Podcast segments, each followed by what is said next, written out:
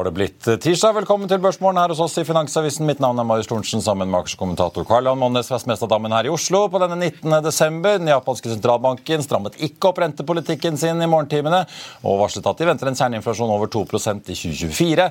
Statsministeren her hjemme oppsummerer halvåret på sin, sitt tradisjonsrike førjulstreff med pressen i dag. Og så har Finansdepartementet sendt ut en lov på høring om det nye statlige fondet i Tromsø, et slags underbruk av Folketrygdfondet som skal investere i nordiske SMB-er, men da utenfor folketrygdens virkeområde. Og så skal vi snakke med mediebransjen med Knut Kristian Hauge fra Kampanje, som er med oss eh, straks. På Oslo Børs venter DNB og Nordnett en start rundt null, får vi si. DNB ligger så vidt eh, i minus med sist estimat, Nordnett i pluss. Shipping er jo selvfølgelig i fokus etter at vi så kraftig kursoppgang i går. Frontline bl.a. var eh, blant de store vinnerne, i hvert fall på omsetningsfronten også. Hovedindeksen endte opp 0,97. Vi lå jo godt over prosenten, men mistet litt fart utover dagen. og Frontline som jeg nevnte, endte da opp 7% men lå nærmere 10 på det meste. Golden Ocean opp 3,2, Equinor opp nesten 3% Vi har også sett de asiatiske indeksen stige forsiktig på morgenen, med en oljepris som er litt ned fra gårsdagens nivåer, men likevel fortsatt på 77,93 i spotmarkedet. Dow Jones på Wall Street endte uendret på sitt rekordnivå, ligger så vidt over 37 300. SMP 500 endte opp en halv prosent og begynner jo da virkelig å snuse på rekordnivået vi sist noterte oss i januar 2022 på 4796,56 for å være helt nøyaktig. Goldman Sachs har for øvrig jekket opp sitt eh, mål for SMP til 5100 for 2024. Nasdaq endte opp 0,6. Og Så hoppet jo da US Steel 26% på Wall Street i går etter nyheten om at Nippon Steel vil kjøpe dem for 15 milliarder dollar til en solid kurspremie. Sunpower raste over 30% på en forsinket kvartalsrapport eh, der det kommer frem bekymringer om både likviditet og fremtidsutsikter. Og så steg faktisk Adobe 3% etter at det ble kjent at oppkjøpet deres av designselskapet Figma til 20 milliarder dollar ikke blir noe av. Og Når vi først snakker Wall Street, så får jeg også nevne nevne at Nicola gründer eh, Trevor Milton mandag ble dømt til fire års fengsel i USA for bedrageri av investorer i da den omstridte lastebilprodusenten som eh, jo etter hvert ble avdekket at dyttet en lastebil inn bakken, men fikk det til å se ut som den rullet på egen eh, maskin. Wow Green Metals har annonsert en ny finansdirektør etter at Lars Mårdalen annonserte sin avgang i mars. og Det er da Jan Halvard Aas Møller som kommer inn. Han kommer fra samme type jobb i biokjemiselskapet Biosin Holding og begynner i februar. Og så tar vi også med Europris. Mandag ettermiddag så kom meldingen om at Europris har fått medhold i saken om å få utøve en opsjon på 80% av svenske ØB. Og Aksjemarkedet tok bølgen og sendte den aksjen opp nesten 6% Sparebank Markets analytiker Øyvind Mossiger kaller det en stor dag for Europris-aksjonærene. Og så Karl Johan, får vi kaste oss rett over sagaen og krigen mellom Kjell Inge Røkke og Kristen Sveaas. For i går kom det enda en ny vending. De utsetter da den ekstraordinære generalforsamlingen på ubestemt ubestemt tid, i forståelse får vi si, med Kistefoss, og sier at de kommer tilbake med en uh, ny dato for generalforsamlingen. Du har skrevet om dette i avisen i dag? Ja, jeg skrev det i avisen i dag. Og, og jeg ser det at det er jo et uh, mulighetsrom da, hvor, uh, hvor Aker kan redusere sin eierandel da, fra 67 ned mot 50% da. Men jeg tror, jeg tror, de vil velge å gjøre dette i et datterselskap for å unngå tilbudsplikt. Da. Ja. Og da, da, er det utrolig mange måter å gjøre dette på de ja, for De sitter vel på 32,9 i liksom ja, Solstad ASA, ja, men det er jo et de, underselskap som skal få en del skip. skal de jo eie nesten 70% eller underkant av 66-67 eh, og, og mm, jeg tror, tror, heller ikke bankene vil tillate at de går under 50 da. Eh, men det kan de tillate hvis da mm, Sveås går inn og sier at jeg kan ta de, jeg tar de 15% som mangler her. Og så gjør man en tegningsrettsemisjon, og den kan man garantere. og Hvis Sve syns det er så billig, så kanskje den kan settes litt høyere i pris hvis at han syns det er for billig, og få en mer riktig pris. Og, og, men da må, du, da må, du, ha en garantert emisjon. Så det er utrolig mange måter å gjøre dette på. Og det er såpass mange investeringsbanker som jobber med det, og selv om de fleste av de er forsiktige med å si hva de mener, og heller bare venter på de ordrene de får, så, så du det skal være veldig rotete hvis du ikke klarer å få dette på plass nå.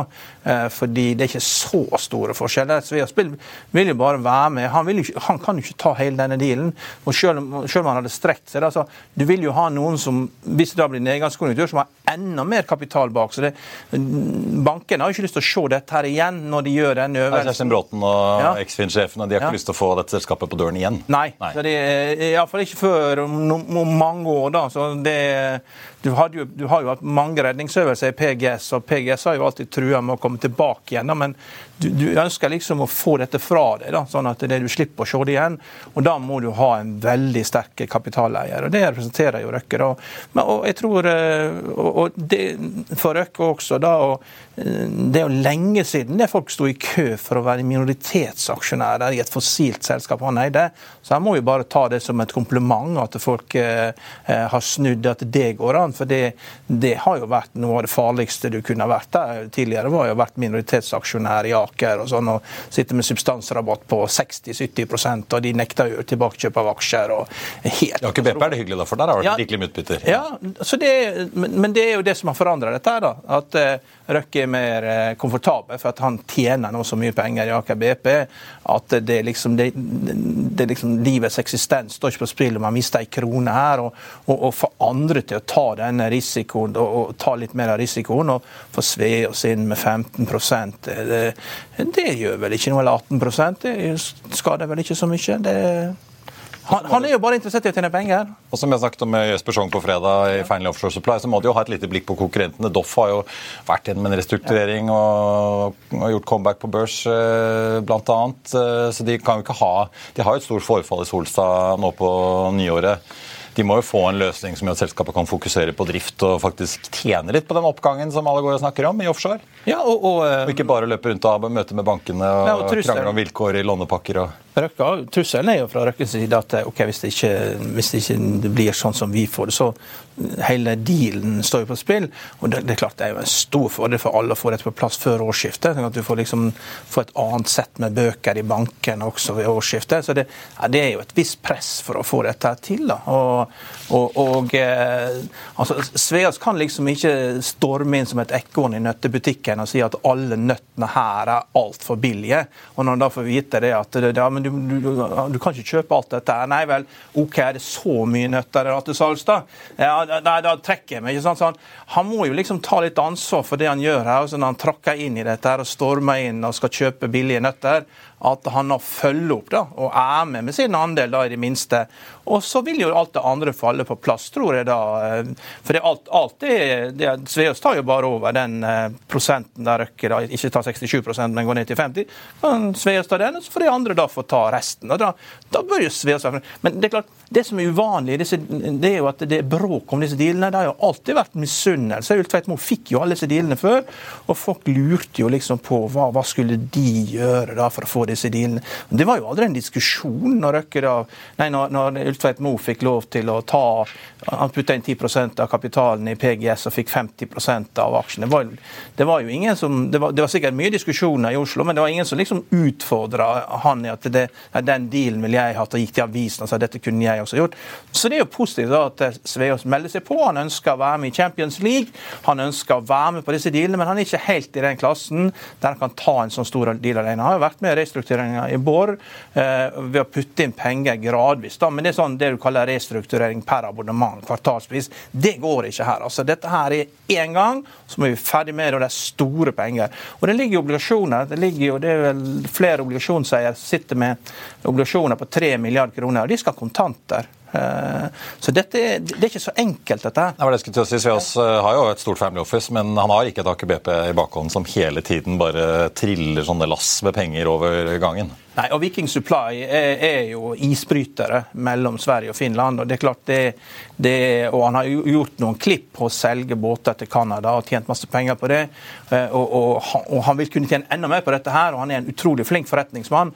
Men han er ikke så flink at han kan eh, få lov til å ødelegge en restrukturering for hele norske bankvesenet, som de ønsker å, eh, å få på plass. Og, på annet, og, de har jo ikke villet snakke med han, og det er jo veldig rart. For at Rem, som er fin, direktør i Kistefoss. Ja. Jobbet jo for Røkke i 14 år, og, og bankforbindelsen eh, til Viking Supply Ships er jo uh, tidligere Hun er jo nå sjef for Eksfin, og det har ikke vært noen dialog. Og, det er klart, det, det, bør jo bekymre Kistefoss litt at det er ingen som vil snakke med dem. Så det er jo begrensa hvilket rom de har her, egentlig. Altså det, på et eller annet tidspunkt så vil noen sette seg ned liksom, så ja, hva er det dere egentlig vil? OK, og så må man prøve å få det på plass.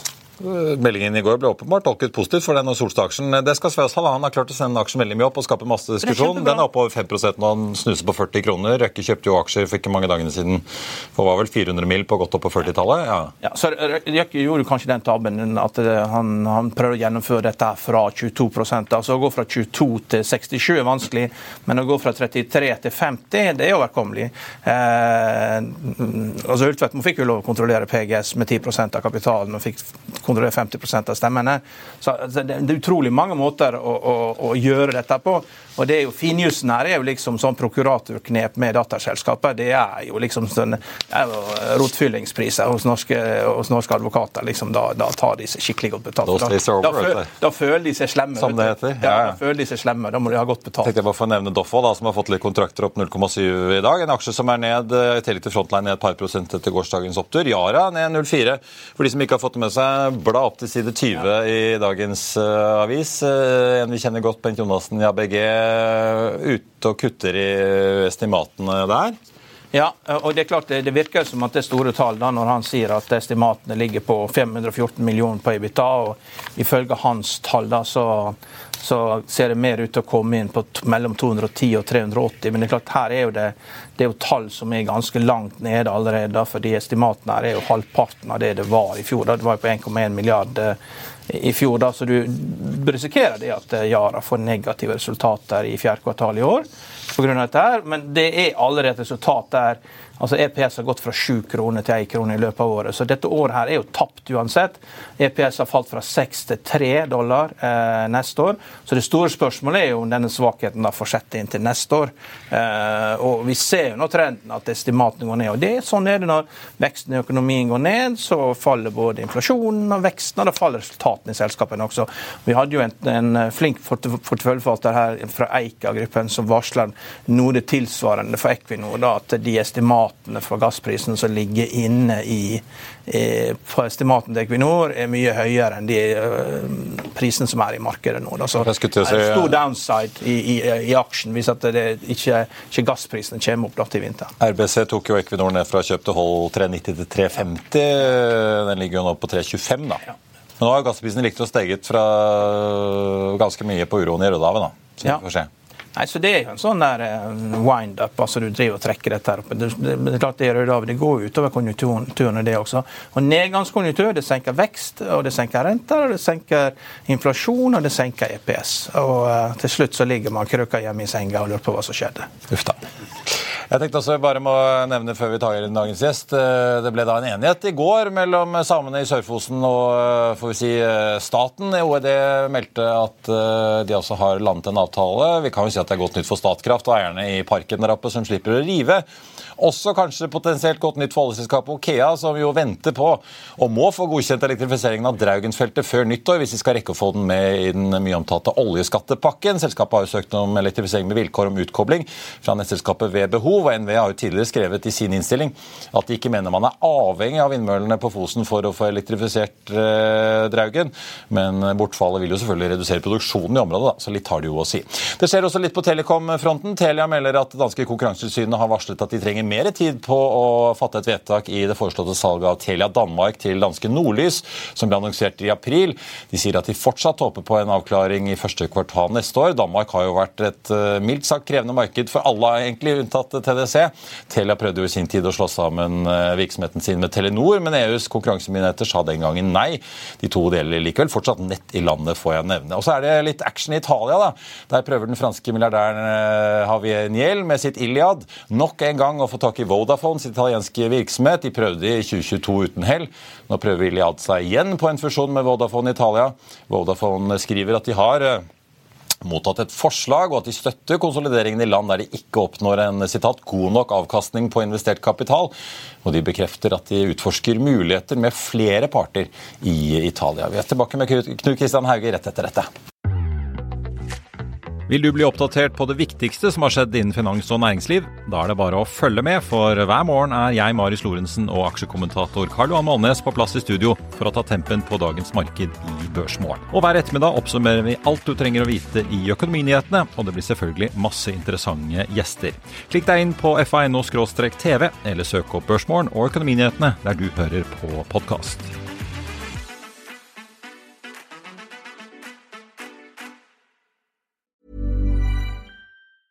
Hey, it's Danny Pellegrino from Everything Iconic. Ready to upgrade your style game without blowing your budget?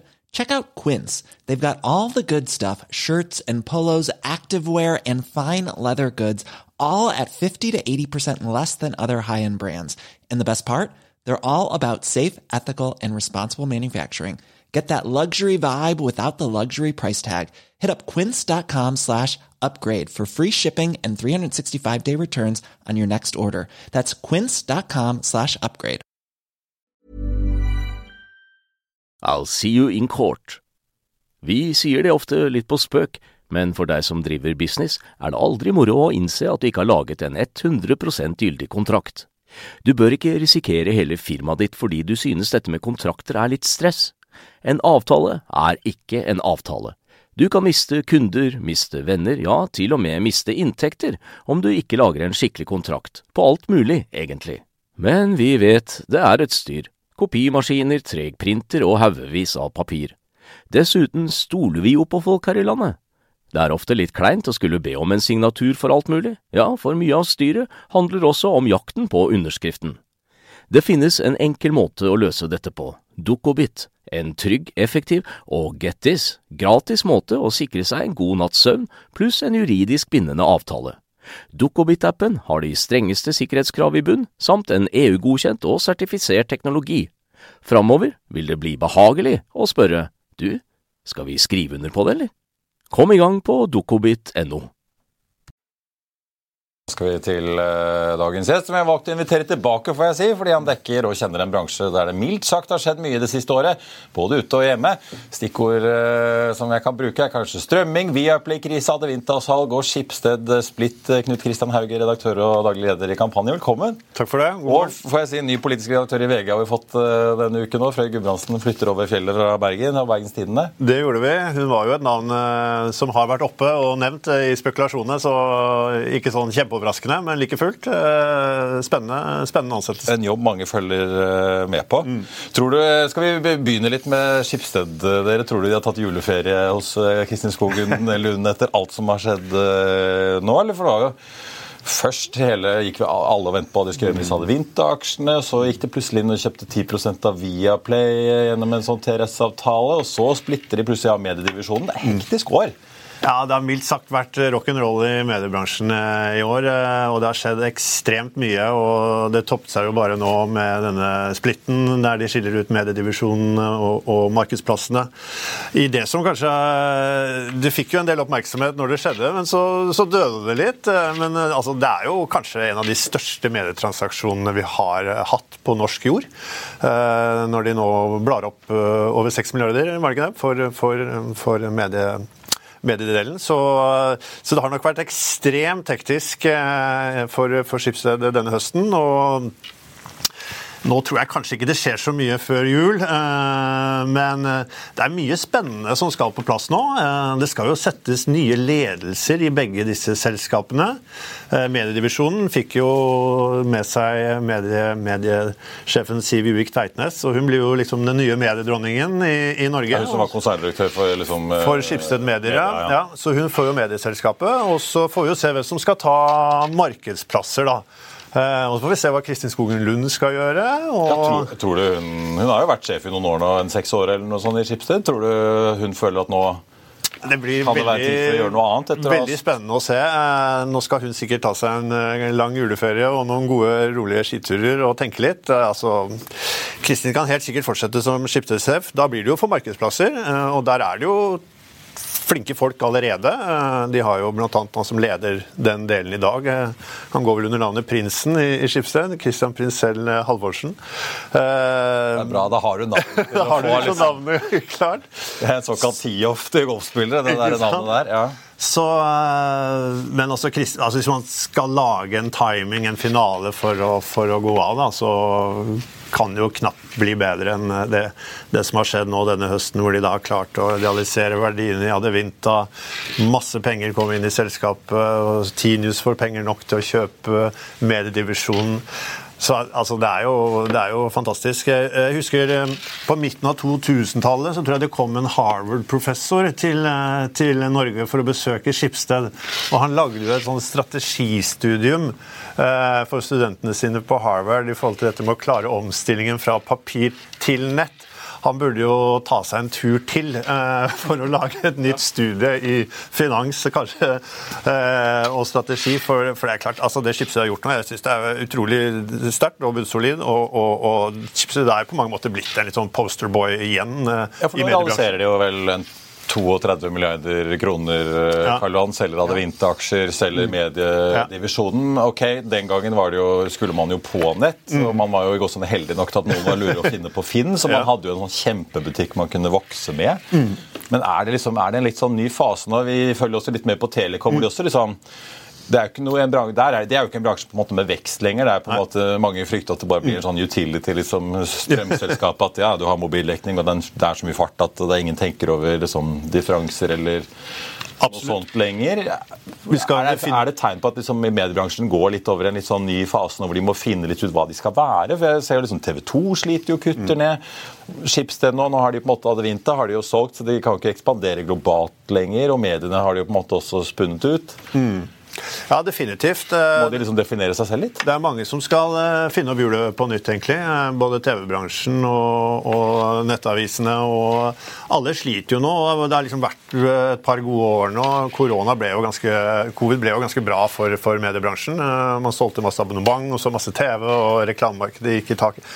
Nå er det jo en helt annen hverdag. Eh, ta TV-bransjen. Eh, reklamemarkedet er ordentlig skittig. Eh, det er TV, 10% ned på TV. Og, og, det er klart, hvis man håper på noe i 2024 i norsk TV-industri, så er det jo at vi får konjunkturene med oss igjen, og at dette reklamemarkedet kan komme tilbake for nå er det som du sier, ikke sant? det er kutt i, i, i, i TV 2 og det er kutt i TV4, og, og alle sliter. Og hele liksom, verdikjeden i norsk TV-bransje har det jo skrekkelig nå. Eh, vi kan liksom ikke leve av at eh, Netflix slipper en ny serie eller to en gang i året. Det, det blir liksom ikke nok til å holde liv i en hel bransje. Så, så det, blir, det blir veldig, veldig viktig. Eh, reklamemarkedet er ikke der nå. Nei. Men, men, franskmennene, altså Vivendi og, mm. og Kanal Pluss, de har jo tatt en posisjon i, mm. i, i Viaplay. Og uh, franskmennene har jo luksusvarer. Altså, mm. De har jo LVMH, de selger jo alt mulig. Mm. og de har jo sagt det etter de kjøpte Tiffany's i uh, USA, at hadde de visst hvor sterke disse her varene som Tiffany hadde, så kunne de betalt det dobbelte for Tiffany's, for det, det selger så godt på internett. Mm. Og, og, Vi har jo tradisjonelt sett når vi skal kjøpe oss noe fint, vi har ofte reist til London eller dratt på shoppingturer ut. Men blir det sånn at eh, franskmennene nå ser det at nå skal de begynne å selge oss eh, mm. Tiffany, og de skal selge oss Cartier, og de skal selge oss sine luksusvarer på nettet? Eh, ved hjelp av Viaplay, markedsføring, og for det koster jo ingenting å annonsere. og er det det som er gamet? De mister jo kineserne som kunder. Er det oss de skal komme og, og begynne å selge mer til nå? Er det det som er planen? Hvorfor gjør de dette her? Ja, Det er et godt, uh, godt, spørsmål. Uh, vi vet jo nå i hvert fall at Kanal Pluss blir jo en veldig veldig stor eier i, i, i, Viaplay når de nå får på plass denne emisjonen. Får vi se om de kommer i mål. Uh, det er jo mange push... Mye kroner som skal på plass. Ikke ja. sant? Så, så, Men at Kanal Pluss kommer til å være en stor aktør i Norden, det virker jo helt åpenbart. Nå ser jeg vel også at dette eierselskapet til Kanal Pluss, Vivendi, snakker vel om nå også å dele opp selskapene sine i en eh, marketinggren, i en betalt-TV-gren og i en sånn rest, uh, restgren. Uh, så det er tydeligvis at de mener alvor med, med sin ambisjon om å vokse på, på TV. Og de har jo tatt mange markeder i Sentral-Europa, og nå skal de tydeligvis da inn i Norden. Så ble det ikke skipsdød med på den reisen, ser det ut som. Eh, og det er jo, Hvorfor det, tror du? Er det fordi det ikke var kapasitet med alt andre som skjedde til å være med i den restruktureringen av Viaplay? Altså, Den fremstår veldig, veldig snål, og den kom jo på et veldig merkelig tidspunkt. Altså, Man skulle jo kanskje håpet at det var en masterplan her, helt fra Adevinta Skipsted skilte ut Vi Adevinta. spekulerte jo om det var noe med VGTV de skulle sette dette sammen. Eh, eller- og, og jeg var jo veldig entusiastisk når det skjedde. For det altså, masse spennende muligheter hvis man begynner å leke seg med, med, med Viaplay og Skipsted sammen. Men jeg tror altså det ble rett og slett for mye. Og så kommer da Tinius for penger, og så begynner man å sette i gang den prosessen. Og den er jo, den er jo ikke enkel. Det er jo masse som skal, skal, skal planlegges og, og, og, og, og gjennomføres. Så det tror jeg rett og slett ble for mye. Og så tror jeg også hele Viaplay Caset ble rett og slett for komplekst for, for, for, for Skipsted.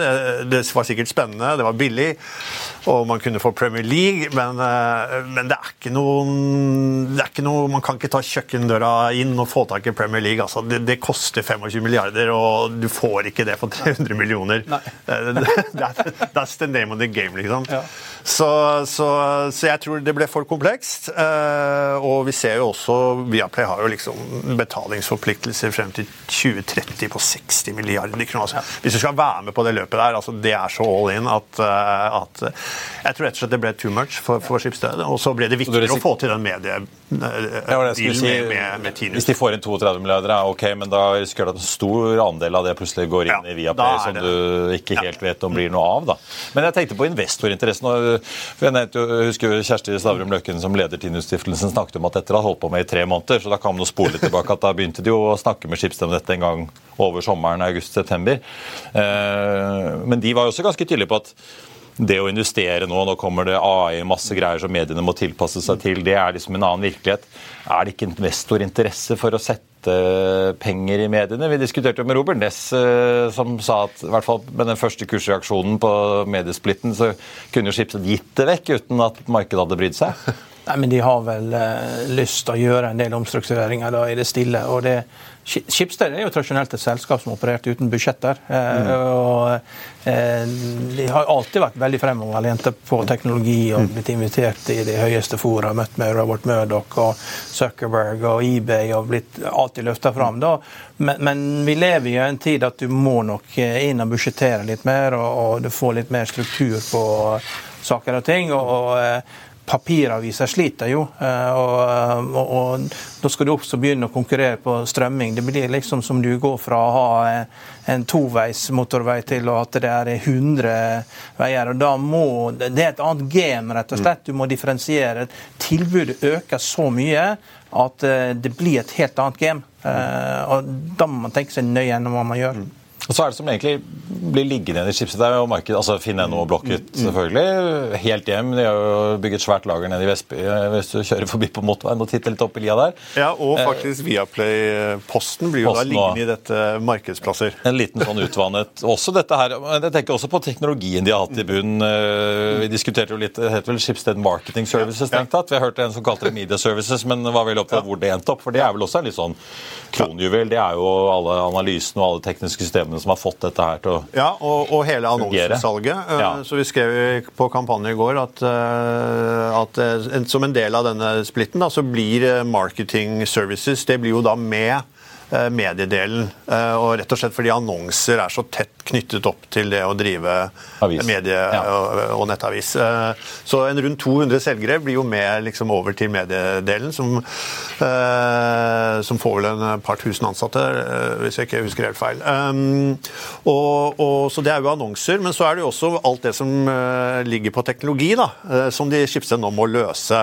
Og det er nok ikke noe sånn, det er ikke noe sånn walk in the park helt, eh, fordi det er jo ganske komplekst. Altså her har man hatt, eller de siste årene har man jobbet veldig i forhold til å samle markedsplasser og medier og lage felles innlogg. Eh, Felles payment, eh, felles annonser. Disse selgerne har jo jobbet eh, liksom på tvers i hele Schibsted-universet. Og de har liksom fått disse annonsene til å spille inn på VG, Finn. ikke sant? Alt skal jo henge lese Og måtte jeg på å si flatskjermtest eller mobiltest på tech.no, som jo VG kjøpte i sin tid. Og så var det jammen meg en link til hva er det prisjakt.no, eller hva en skipsleier som er sånn prissammenligning på nettbutikker. Så dette her må jo skilles nå. Så det, sånn som vi har forstått det nå, så blir hele den innloggingen den blir liggende i markedsplasser. Det som heter Schibsted Account. Og så må de da splitte den koden som dette er bygd på. Og så må mediet da ta med seg den, og så må de begynne å bygge og utvikle på den samme koden, men da i, som et separat uh, selskap. som et separat løp. Det er jeg glad jeg ikke har ansvaret for. Altså, ja. og så er det samme med dette payment. Ja. ikke sant? Dette med å betale for abonnement, og så betaler man på Finn. Blant annet disse transaksjonskostnadene, som vel skal bli liksom, det nye for markedsplasser. Uh, og, og, og, uh, så det også må deles. Um, så her er det masse design, utvikling, jobb fremover. Altså, hvis det sitter noen sånne ledere i noen designbyråer, så er det bare å melde seg på. Ring, ring nå. Ring nå. Men altså, fra spøk til alvor, jeg har spurt mange. Hva, skal de liksom drive med? Litt som jeg var inne på, Nå har de jo spunnet ut uh, på en måte skipssted internasjonalt. da, det Bon alt dette greiene utenfor Norden. Det er jo Adevinta. Altså, Skipsted nå de kan jo ikke bruke masse penger på å ekspandere nedover Europa ut i verden, for da går det jo fort av det ja. etter de sømmene. Mm. Mediene har de jo spunnet ut, ok, mm. så da sitter de igjen med en nordisk posisjon. Ja.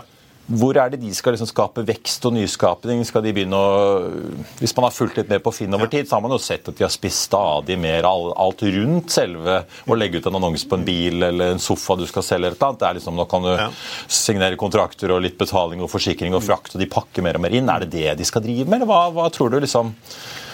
Ja, altså Både markedsplasser og medier må jo liksom stake ut sin, eh, en ny kurs på en måte nå. Eh, hvordan de tenker i forhold til disse rubrikkplassene eh, er kanskje andre enn meg som er bedre til å svare på. Men eh, når det gjelder medier, så, så, er det jo klart, så ser man vel kanskje nå en oppside etter hvert når medier blir fulldigitalisert.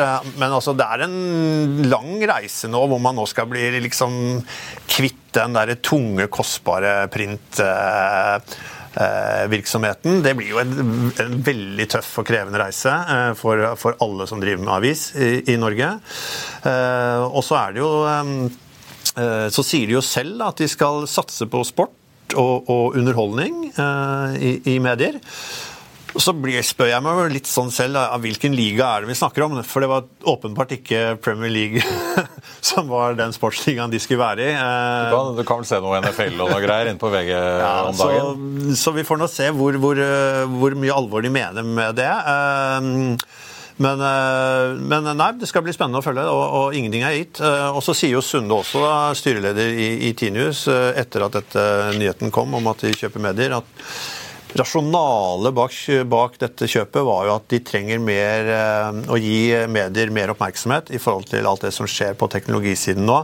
Og han uh, trakk jo særlig fram kunstig intelligens uh, som en stor, stor bekymring.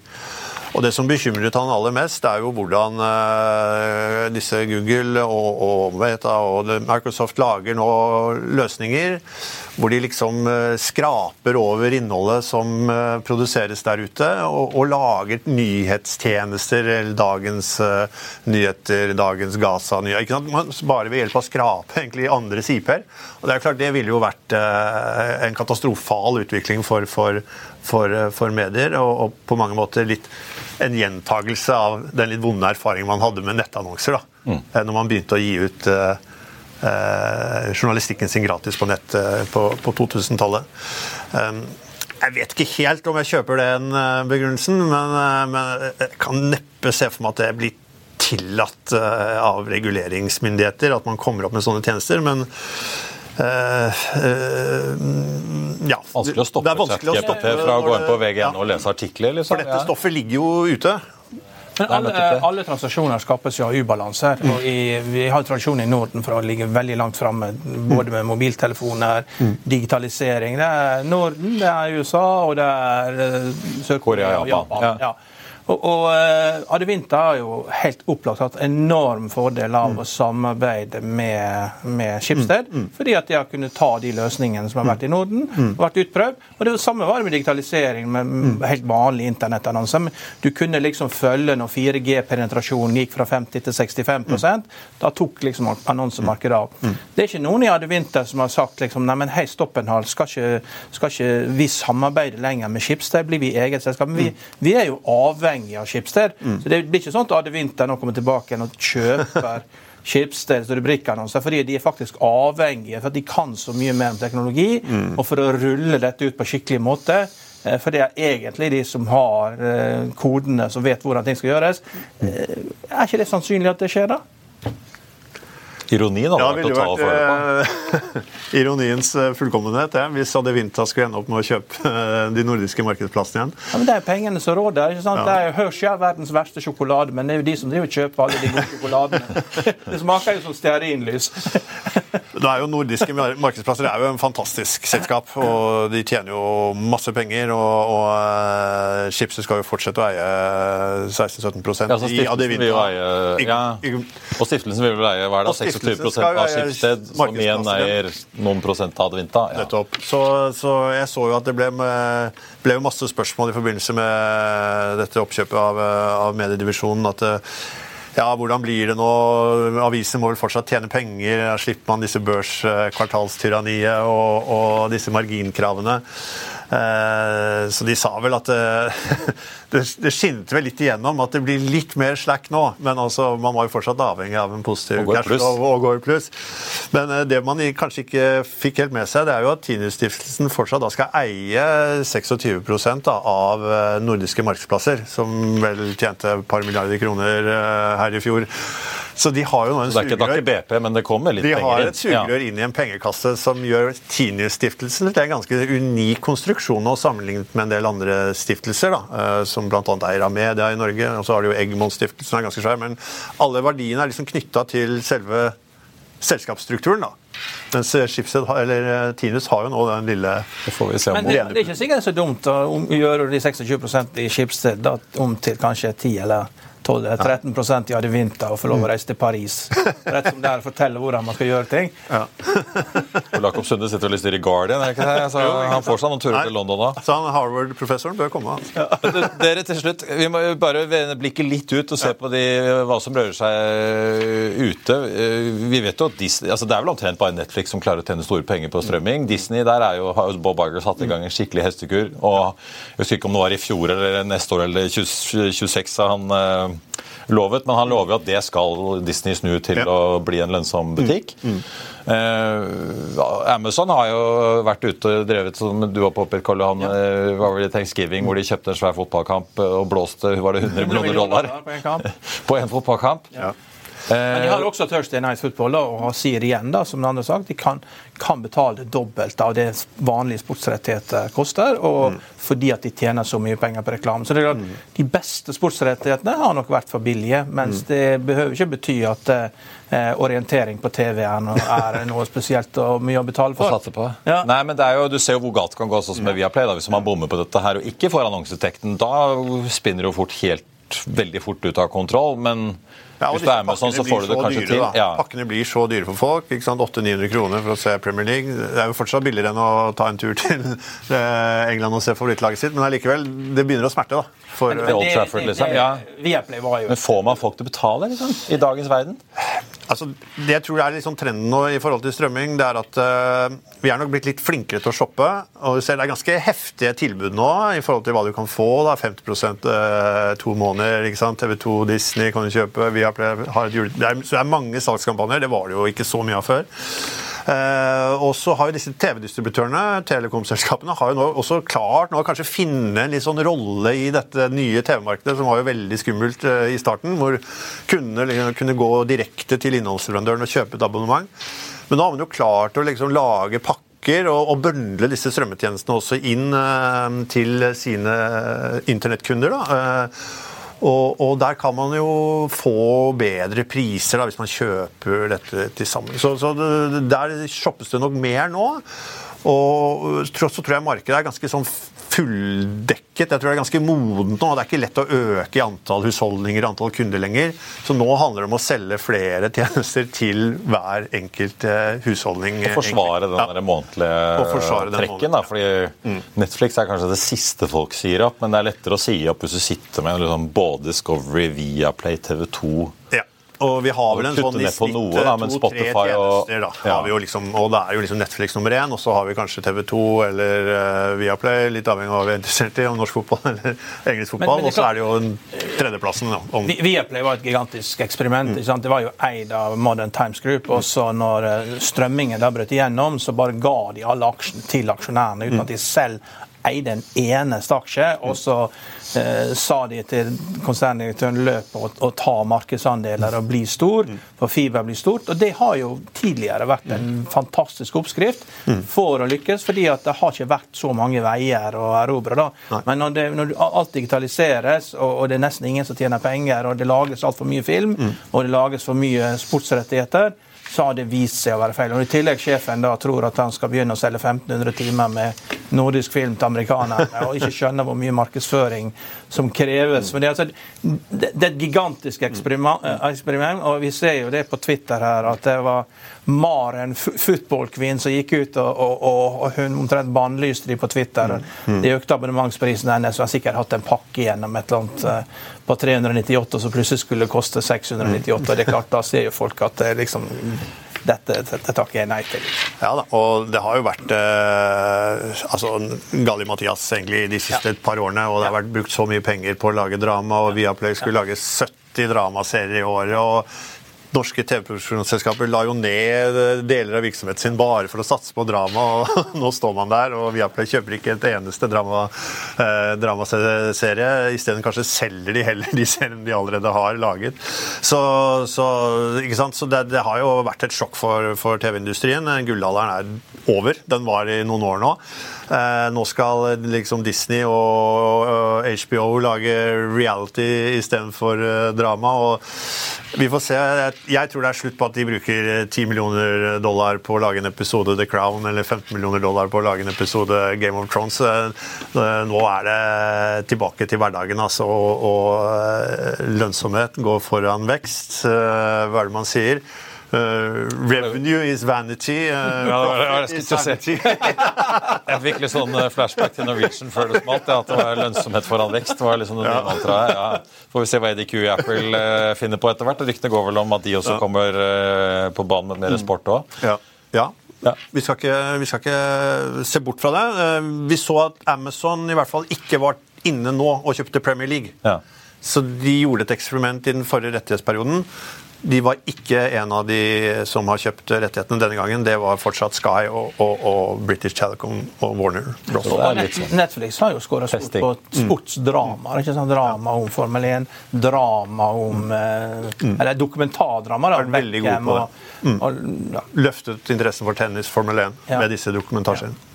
Så får vi se om det blir liksom i næringseiendom, at det kommer liksom aktører som har tjent penger på andre ting inn. Ja. med store sjekkhefter, som jeg har sett med Fredriksen med Telegrafbygget bl.a., om det også skjer i mediebransjen, at det mm. kommer mm. Apple og Amazoner i verden eh, inn med sjekkeftene sine. Det kan virke som mediebransjen kanskje trenger noen eh, nye pengefinansiering. Ja, ikke sant? Eh, også interessant å se at de i hvert fall tester litt. Mm. Hauge, god jul. Takk for at du eh, kom til oss. Eh, tenkte bare å runde av med å si at hovedindeksen har snudd litt Jeg Ligger ned 0,2% med en oljepris på 77,50 i dag. Vi ser at flere av shippingaksjene også tikker litt nedover etter den kraftige oppgangen i går. Solstad Offshore derimot tikker videre oppover, opp 2,7% nå til 38,54. Det var børsmålen for denne tirsdag 19.12. Ikke gå glipp av økonominyhetene i dag 14.30. Vi spør om NHO har blitt best på business eller er best på subsidier. Nestsjefen i NHO Anniken Hauglie møter Bård Schumann, som mener det sistnevnte. 14.30 kommer den altså. I mellomtiden så får du som alltid siste nytt på FA1 og gjennom hele dagen. Ha en riktig god tirsdag alle sammen. Vi ses.